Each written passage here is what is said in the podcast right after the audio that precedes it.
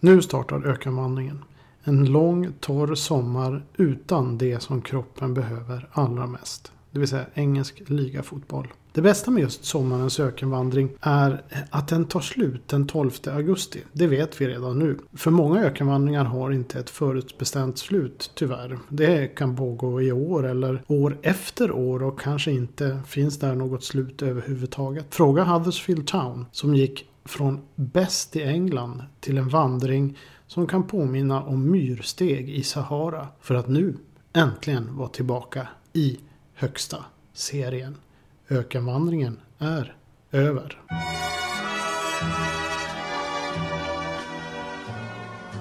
We'll meet again. Don't know where, don't know where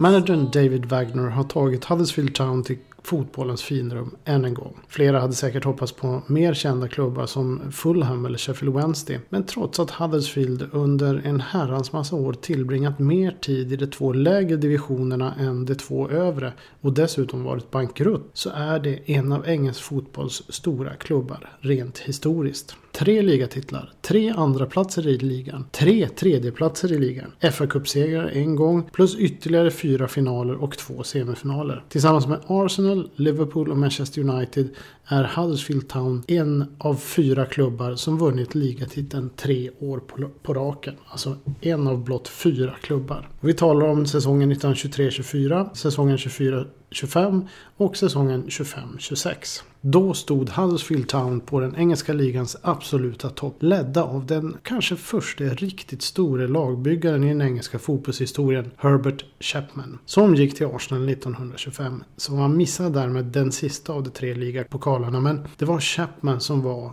Huddersfields byggherre, arkitekt och regissör och sannolikt producent också. En fotbollsledare före sin tid på så många områden, vilket jag garanterat kommer att återkomma till i senare poddar. Med Huddersfield fick han även lyfta en FA Cup 1921-22 och i norra London skulle han sedan göra Arsenal till det mest framgångsrika laget under 30-talet. Tyvärr dog han 1934 så det blev blott två ligatitlar och en FA Cup även i Arsenal. Men The Gunners fortsatte dock att vinna då lagbygget även denna gång var magnifikt. Nyckelspelaren i Huddersfield under Chapmans tid var dock en viss Clem Stevenson. En spelare som Chapman stiftat bekantskap med under första världskriget då Stevenson lämnat den tidens gigant Aston Villa och gjorde några krigstidsmatcher för Leeds City där Chapman var tränare före Huddersfield i tiden. Stevenson var en inner helt utan speed. Till och med för långsam för den tidens fotboll. Men utrustad med ett briljant taktiskt sinnelag. Och vilken fot han hade. Dirigerade spelet i Huddersfield med att slå magiska passningar gång på gång. Det sades att hans passningar var as sweet as stolen kisses. 1910-11 blev Huddersfield professionell och redan 1920-21 var man uppe i högsta divisionen. Där man skulle hålla sig faktiskt fram till säsongen 51-52. Varpå man studsade direkt tillbaka igen och blev kvar till 55-56. Ett 50-tal som skulle uppvisa en magisk tränare i form av en viss Bill Shankly. Och två blivande storspelare i form av ytterbacken Ray Wilson och anfallaren Dennis Law.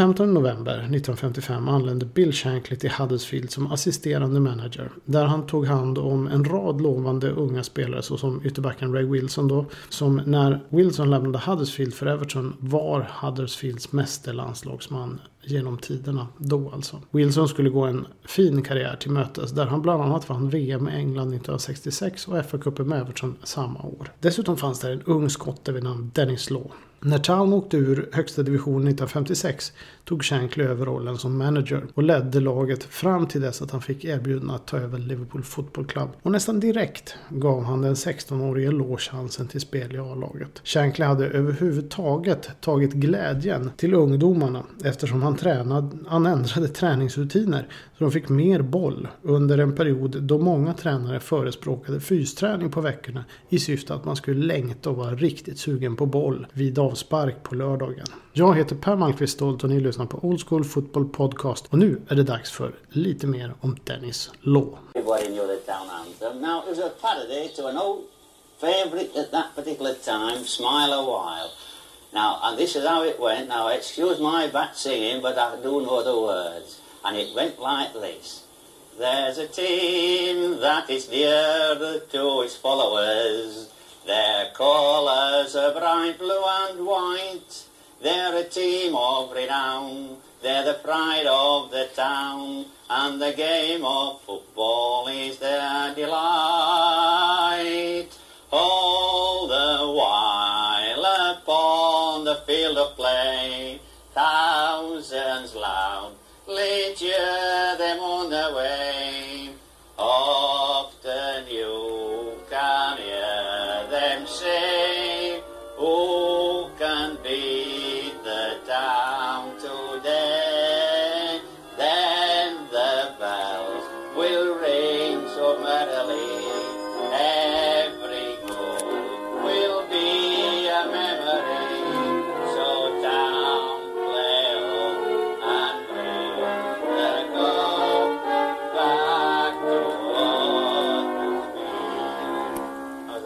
En av de främsta bollspelarna i Manchester United och Skottland, Dennis Law, avslutar sin ligakarriär med en klackspark för Manchester City som skickar ned hans älskade United i andra divisionen. En märklig avslutning på en fantastisk karriär. Härlig och sorglig på samma gång i en tid då de två Manchesterklubbarna ömsade skinn. Gamla stjärnor lämnade och nya hade ännu inte riktigt slagit igenom. Det går som på räls med lokförare som Manchester Citys tre stora stjärnor sedan 60-talet. En makalös treenighet. Mike Summerby tar bollen på egen planhalva och finner Colin Bell trots att han är omringad av flera United-spelare. Bell avancerar och lägger fram bollen till Francis Lee vid straffområdet som drar ut mot höger, men vänder in och med en perfekt passning som går igenom tre United-spelare finner den ende utanför treenigheten, nämligen en viss Dennis Law, som i sin tur klackar in bollen i mål. Morgan.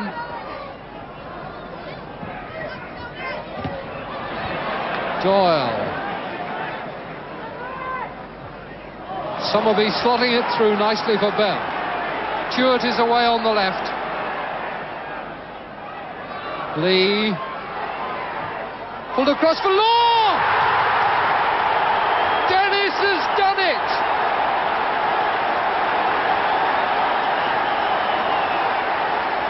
And no elation there at all from Dennis Law.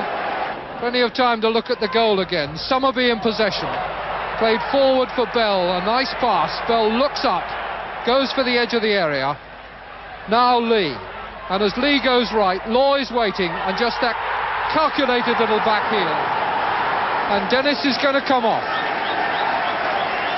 Farewell to Old Trafford. Ett magiskt mål. Även om det var på vårkanten för dessa fyra gamla storstjärnor så var det en ren och skär fotbollsmagi. Så som det hade varit på 60-talet och kanske alldeles i början av 70-talet. Men en sak stämde inte. Dennis Law. För han tillhörde egentligen den andra treenigheten. City hade präglats av en treenighet. Det var ingen snack om den saken. Även om det fanns flera lysande spelare i klubben på den tiden. Men Bell, Summerby och Lee var treenigheten som var stjärnorna. Ofta gick det en kamp mot Manchester United om vem som var bäst i England. Men i United fanns en annan treenighet. Bobby Charlton, George Best och Dennis Law. Säsongen 73-74 lämnade alla tre Old Trafford. Law ansågs som överflödig och fick free transfer av dåvarande United-managern Tommy Docherty. Kanske inte en helt värdig avslutning på en magisk Manchester United-karriär. 11 år och 237 mål på 404 matcher. Den enda skotten som vunnit Ballon d'Or 1964 och med 55 landskamper och 30 mål för Skottland. Två ligatitlar, 64-65 och 66-67 och FA-cupen 62-63. Tyvärr var han skadad i Europacupfinalen 1967-68. Men summa summarum en karriär värd ett bättre slut i Manchester United. Särskilt eftersom man fick veta det definitiva slutet via TV. En tunn 15-årig kille från Aberdeen något skelögd på ena ögat med glasögon anlände till Huddersfield 1955. En helt ny miljö, en annan dialekt och Law vantrivdes och hemlängtan var fruktansvärd ända upp i 20-årsåldern. Men talangen var uppenbar. Law hade allt. Två begåvade fötter, snabbhet, bollkontroll, en känsla för var målburen låg, kunde nicka lika hårt som de flesta sköt med fötterna. Dessutom en kille som hade temperament, utstrålning och var känd för att sparka tillbaka på stenhårda mittbackar. Efter operationen mot ögonproblemen ökade hans självförtroende ytterligare och 1956 tog Bill Shankly över Huddersfield. Shankly var ju själv skotte och såg till att ta hand om landsmännen som kände hemlängtan. Dessutom fanns få som kunde ingjuta självförtroende i ett lag som just Shankly. Ganska snart blev det omskrivna och stora övergångar för Lås del. Först till Manchester City och sedan till Torino. Tiden i Italien sammanfattade Law med orden “The people were lovely, the football was awful”. Law hamnade ensam på topp med engelsmannen Joe Baker medan resterande spelare fokuserade på försvar i San Catenaccio Detta i kombination med att eh, skotten kanske var väl ung för äventyret gav extrem hemlängtan. Matt Busby följde utvecklingen och efter ett tag lades ytterligare en gigantisk summa, brittiskt rekord på 115 000 pund, på att få över Law till Manchester. I United fanns Bobby Charlton redan och, skulle, och snart skulle George Best anlända. Resten är ju då fotbollshistoria. Men sällan har väl ett engelskt eller europeiskt fotbollslag haft en mer potent eller talangfull forwardstrio. Manchester Uniteds storhetsperiod toppades med Europacupen 68 men därefter gick allt snabbare utför. Nya managers anlände och forwardstrion blev inte yngre, eller för George Bests del mer skötsam. Och under 73-74 var alla borta. Law firar inte det här magiska klacksparksmålet som kommer 1974. Istället rör han sig stilla tillbaka till mittpunkten bland överlyckliga City-spelare. Målet gjordes i den 81 minuten i den sista matchen för säsongen i derbyt på Old Trafford och innebar, efter att några andra resultat gått emot United, att Manchester United flyttades ner till andra divisionen. En match som för övrigt fick blåsas av i den 85 minuten efter en planinvasion. Resultatet fastställdes dock till 1-0 för City. Klacksparken blev Lås sista spark i engelsk ligafotboll. Även Citys treenighet skulle snart bytas upp. Men vilka lirare? Colin Bell, Mike Summerby, Francis Lee, George Best, Bobby Charlton och Dennis Law. Den sistnämnde, även kallad för The King av United-fansen. Kort och gott en kille som lyftes fram av Bill Shankly i Huddersfield Town. coming in with power. Law,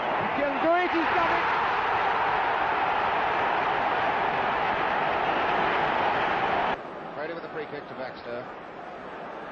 This is number six, Jim Baxter. And a chance here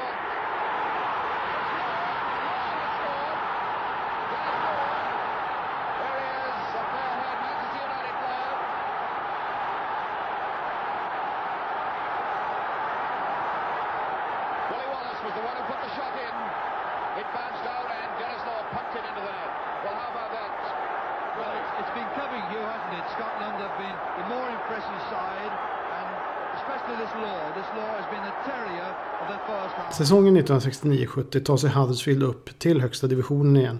Men det skulle bara bli två säsonger. Varpå en sorglig resa nedåt slutade i division 4 spelsäsongen 75-76. Alltså rätt snabbt, ända längst ner. Något direkt tipsextra lag. Det är ju oftast det vi tittar på i den här podden. Hur många tipsextra matcher man har gjort och vilka som man kan komma ihåg. Men Huddersfield blev ju då inte något direkt tipsextra lag eftersom man inte spelade så mycket i högsta divisionen under den här perioden.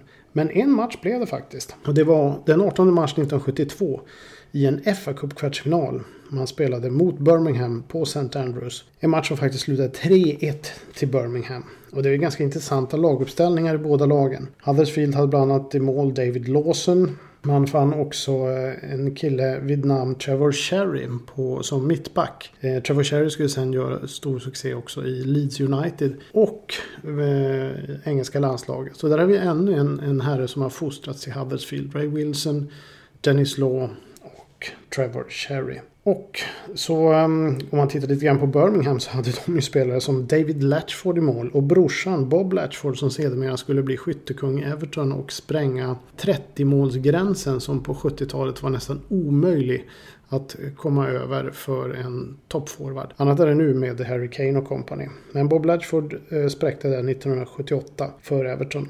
Men anfallet med unge begåvade Trevor Francis, Bob Latchford och Bob Hatton gick inte av för hacker i detta Birmingham som också vann med 3-1. Mål av Malcolm Page, Bob Latchford och Bob Hatton. Och Huddersfields mål gjordes av Trevor Cherry. Birmingham spelade då i division 2, alltså motsvarande Championship, medan Huddersfield spelade i högsta divisionen. Och sen fanns det en annan herre i detta Huddersfield som sen skulle göra rätt stor succé i Birmingham faktiskt. Och det var Frank Worthington. Och låt oss nu glida över till Frank Worthington. För det var just i Huddersfield han fick sitt genombrott. Här har vi en fjärde yngling som har transporterats genom den här fina klubben. Och Frank Worthingtons förmågor, de var magiska. Det var inte många som hade sett honom i eh, England med omnejd eftersom Huddersfield inte syntes så mycket i media och tv. Men här fick man se honom och uppleva hans konster. Frank Worthington. Bloomfield's side stayed up without having to rely on too many howlers like those, but he really needed the cutting edge of a proven goalscorer. It's there! Worthington the scorer! Huddersfield's Frank Worthington fitted the bill, but he wouldn't be easy to capture or apparently easy to tame.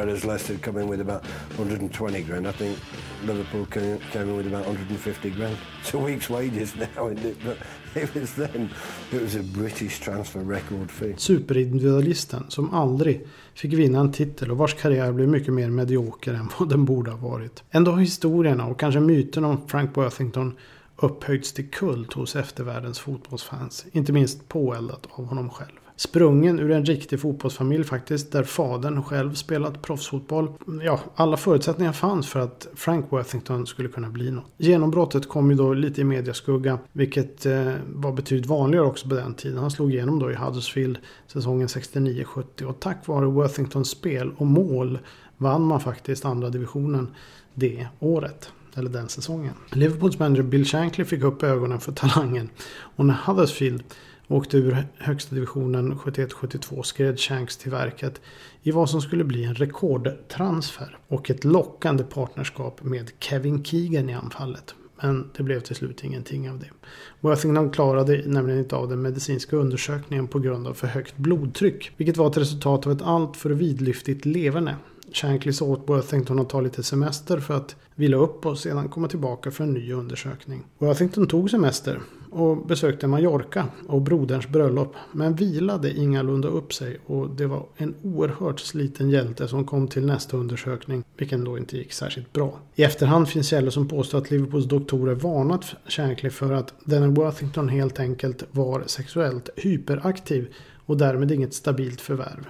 Shankly ville ju ha stabila spelare som man kunde lita på i alla lägen. Under semestern hade Worthington knappt sovit för att hinna med fest, klubbande och eh, andra aktiviteter. Istället blev det Leicester City för en stor men ändå lägre summa. Leicester var ett lag på övre halvan och kända för att spela fin fotboll vilket passade Worthington som handen i handsken. Dessutom hade de betydligt större överseende vad gällde hans leverne. Det var också i Leicester han skulle spela sin allra bästa fotboll. Därefter kom klubbar som Bolton, Birmingham, Leeds, Sunderland och Southampton innan han växlade ner i de lägre ligorna med flertalet klubbadresser. Han gjorde även en sommar för Mjällby AIS och det går säkert än idag historier om hans bravader på Listerlandet, vilka jag faktiskt har tagit upp i artiklar på Old School tidigare och kommer säkert att återkomma i det i någon podd framöver och har tror jag också även pratat om det i en podd tidigare. Men ni får lyssna igenom för jag kommer inte ihåg riktigt när det var. I Birmingham City i alla fall, där bildades The Magnificent Seven. Det här är lite intressant och får nog anses som den kanske första versionen av Wimbledons Crazy Gang. Det är ju Wimbledon som blir känd som The Crazy Gang på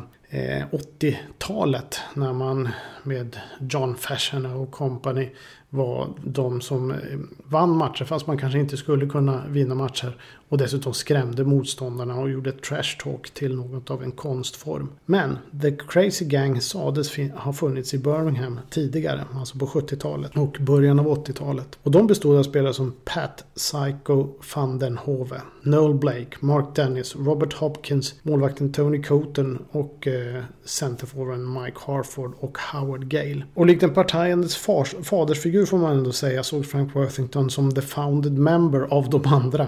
Även om han inte tillhörde gänget när det skrevs om deras bravad på och utanpå plan. Och det är till exempel med en sån som Mick Harford, eh, när han kom till Wimbledon så slapp han den här um, inkilningsriten och han ska eftersom han tydligen har sagt att alla, han använde uttryck som man kanske inte kan eh, beskriva här, men att alla i Wimbledon var mesar jämfört med dem i Birmingham City som han hade umgåtts med tidigare. Worthington hade dock ett gott öga under Birmingham-tiden till Pat van den Hove som i sig bär på en historia av sprit, brottslighet, ja allt du nu kan tänka dig. Han slog ju igenom i, eh, som vänsterback i Everton och vann ligan med Everton och gjorde även säsonger i Tottenham Hotspur. Jag tror han vann FA-cupen med dem också. Eh, jag tror också att han var gift med Mandy Smith om ni kommer ihåg den här tonårsidolen som slog igenom väldigt tidigt och sen så ebbade det väl ut. Jag är inte riktigt säker på det, men jag tror det. Men Pat van den Hove ska vi ägna åt en framtida podd. För hans leverne, jag har läst hans biografi, är faktiskt lite utöver det vanliga. Han umgicks då och då med undre världen och så vidare. Och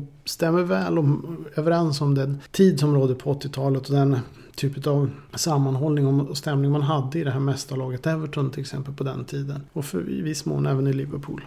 Och Manchester United. Det var en, en, en partajens kultur om man säger så.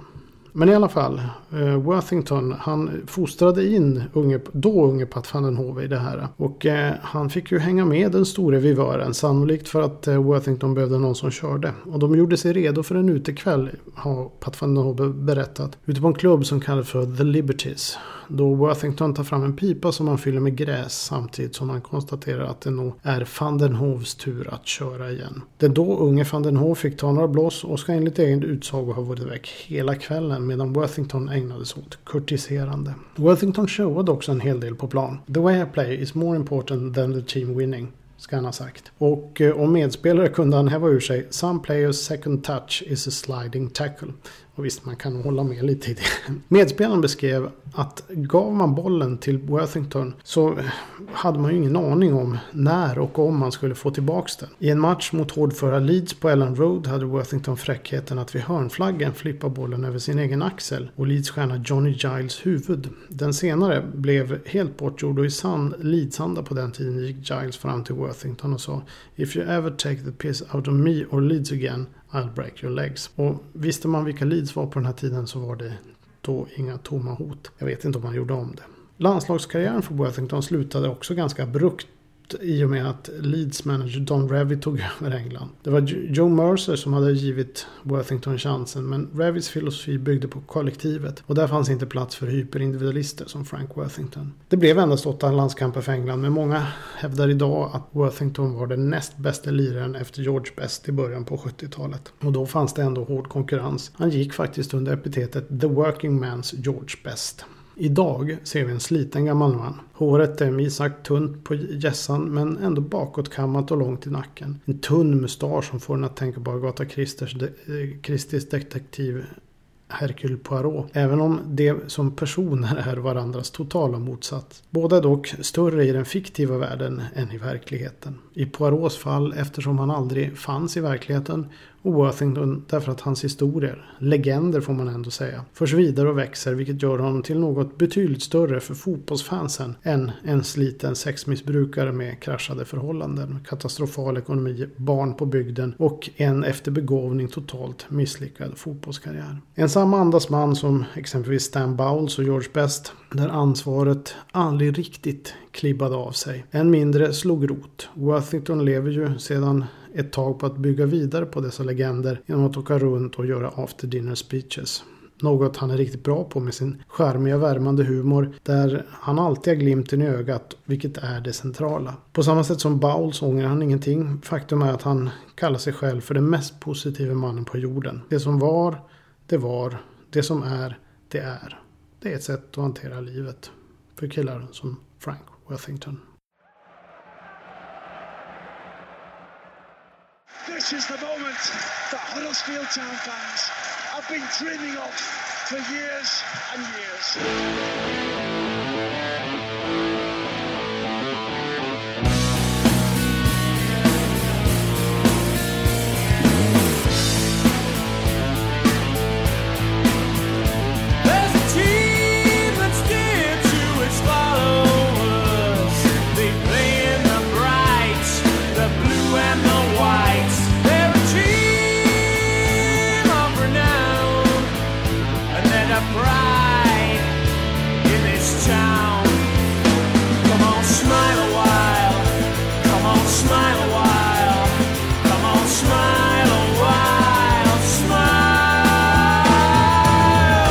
På mitten av 70-talet startade Huddersfield en magisk klättring upp genom systemet.